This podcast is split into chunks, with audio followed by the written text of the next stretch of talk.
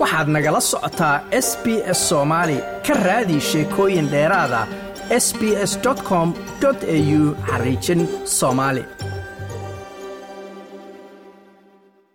imise jeer ayaad maqashay weedha ah wiilal waa wiilal oo wixii wiilasha lagu yaqaanay ayay sameeyeen. Ama waa caadi wuxuu sidaas u sameeyey maadaama uu jecel yahay gabadha weedhahan oo ku saabsan ixtiraam la'aan iyo habdhaqan xun oo lagula kacay gabdho ama haween.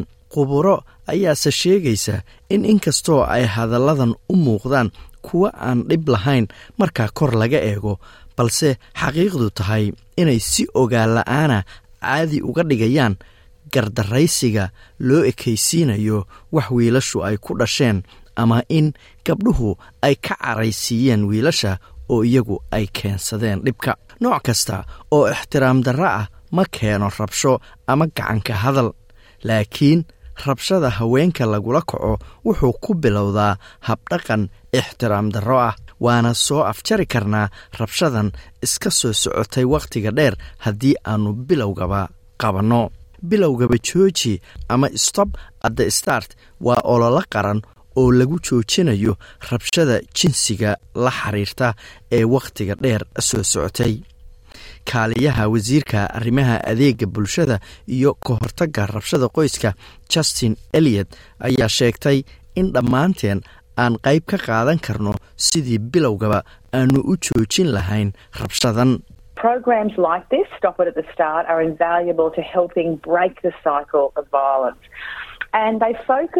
Barnaamijyada noocan oo kale ah ku joojiya bilowgaba qiimo weyn ayay u leeyihiin sidii loo joojin lahaa rabshada qoyska ee soo noqnoqonaysa.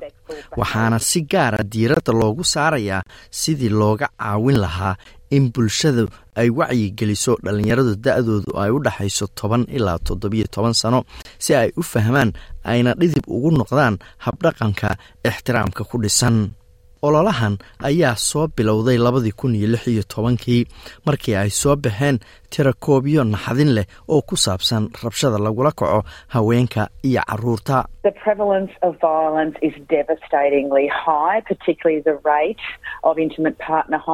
Baahsanaanta rabshada qoysku waa mid aad u daran oo aad u sarraysa gaar ahaan tirada haweenka ay dileen ragga qaba ama la saaxiibka ah ama hore u qabay ama la saaxiibka ahaa.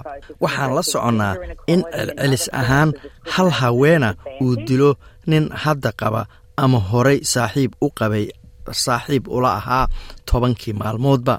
Sida keliya ee aannu ku dhimi karno waa diiradda qaran oo la saaro sidii wax looga qaban lahaa sinaan la'aanta jinsiyadda ama ragga iyo haweenka iyo noocyada kale ee takoorka. Ololaha ayaa garowsan in habdhaqanka dhallinta ay saamayn ku yeesheen dadka qaangaarka ah ama dadka waaweyn kuwa xanaaneeya iyo dadka kale ee ku wareegsan ee saamaynta kula dhallinyaradaasi sidaas daraaddeed ololaha ayaa ku dhiiragelinaya dadka waaweyn inay ka fiirsadaan dabeecadahooda ama habdhaqankooda iyo inay qof lagu dayan karo u noqdaan dhallinyaradaasi ditoresa rosina mcalpine waa khabiirad arrimaha waalidka ama korinta carruurta waxayna qortay buug magaciisu yahay inspired children waxayna sheegtay in marmarsiinyayaasha ay ka mid yihiin wiilashu waa wiilal uu saamayn karo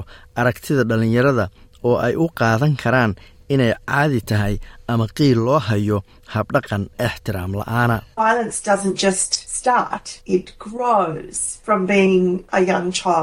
Rabshadu iskama bilaabato ee waxay la kortaa ilmaha yar kadibna waxay u gudubtaa markay dhallinyaro yihiin iyo weliba markay qaangaaraan waa inaannu joojinno qiil u raadinta sida wiilal waa wiilal ama waa iska caadi. Caadi iska dhig oo jiljileecaas iska daa dhammaan marmarsiinyaashaas oo dhan waa inaannu joojinno ayay tiri maadaama ay ku soo kortay guri kacanka hadalka la iskaga dhaxlay oo awowgeed uu u gudbiyey aabbaheed ditooradda ayaa lafteedu soo aragtay rabshada qoyska ee soo socotay wakhtiga dheer.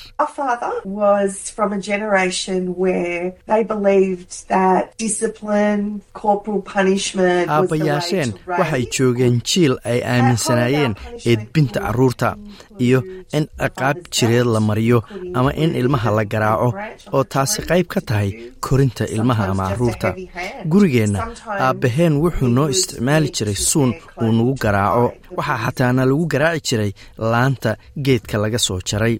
Mararka qaarna gacanta ayaaba naloo qaadi jiray. Mararka qaar si aannu u qarinno nabarrada nagu dhacay waxaannu xiran jirnay dhar ayay tiri.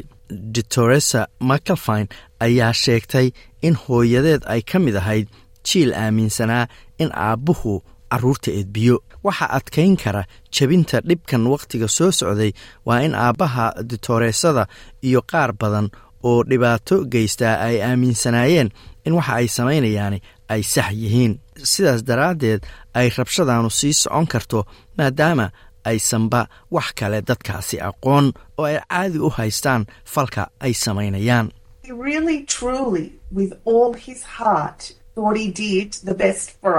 wuxuu runtii aaminsanaa oo niyad ka ahayd in waxa uu samaynayo ay annaga dan noo ahayd. Marna sina anugu uma difaacayo gacanka hadal laakiin waxaan hubaa in aabbahay dhihi lahaa. markaan yaraa oo soo korayey aabbahay sababla'aan ayuu noo garaaci jiray. aniguse sababla'aan hadda iniima garaaco ee markaad dhib geysataan ayaan ini garaacaa marka wuxuu aaminsanaa inuu ku dhowaaday qaabka ugu fiican ee carruurta loo koriyo ama loo edbiyo. Ditoreesada ayaa sannado badan ku bixisay cilmi baarista arrintan ay ku samaysay iyo la wadaagga qaababka korinta carruurta si loo jebiyo rabshada qoyska ee soo noqnoqonaysay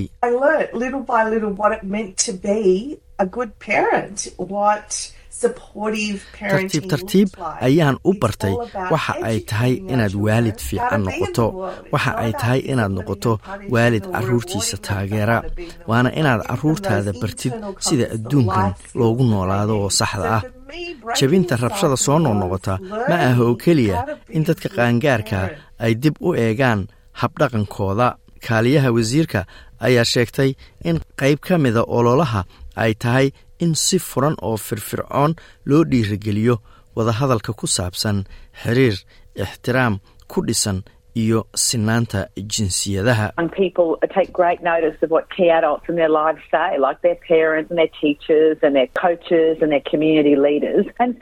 Dhalinyaradu aad bay ugu daydaan waxa dadka waaweyni samaynayaan.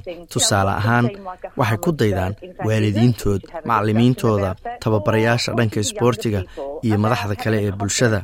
Marka waxaa jira tallaabooyin sahlan oo dadka qaangaarka ay samayn karaan sida inaad ku hadasho wax u muuqda kaftan aan dhib lahayn laakiin carruurtu si kale u qaadan karaan.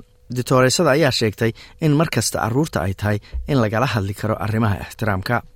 Waxaa jira macluumaad iyo qoraallo badan oo laga heli karo ololaha bilowgii ku jooji ama stop at the start macluumaadkaas oo ka caawinaya sidii aad ku garawsan lahayd qiil ama marmarsiinyo aan ula kac ahayn.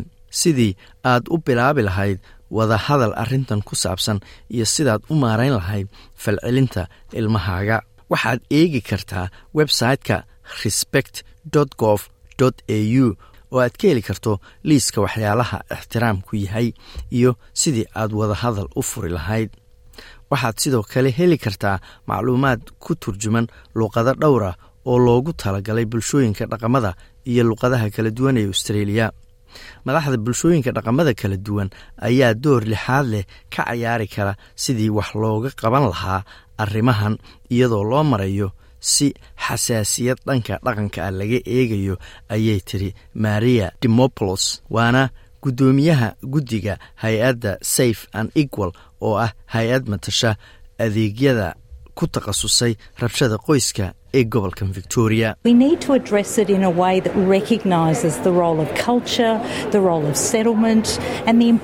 Waa inaan wax uga qabanno si lagu garawsanayo doorka dhaqanka doorka degitaanka qofka iyo qaababka muhiimka ah ee dhaqamada kala duwan u saamayn karaan arrimahan?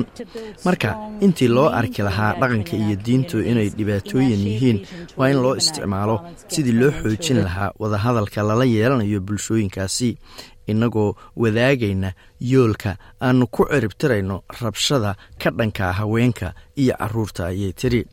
Ololaha bilowgaba jooji wuxuu galay wejigii afraad sannadkan ilaa iyo haddana wixii la sameeyey waxaa ka muuqda inuu shaqaynayo ayay tiri kaaliyaha wasiiraddu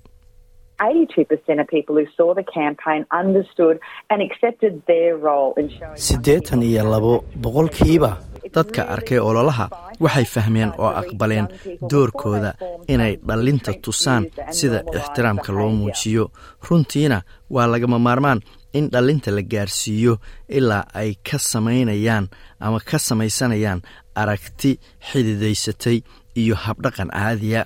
Marka waa inaynu barno carruurteenna habdhaqan ixtiraam leh.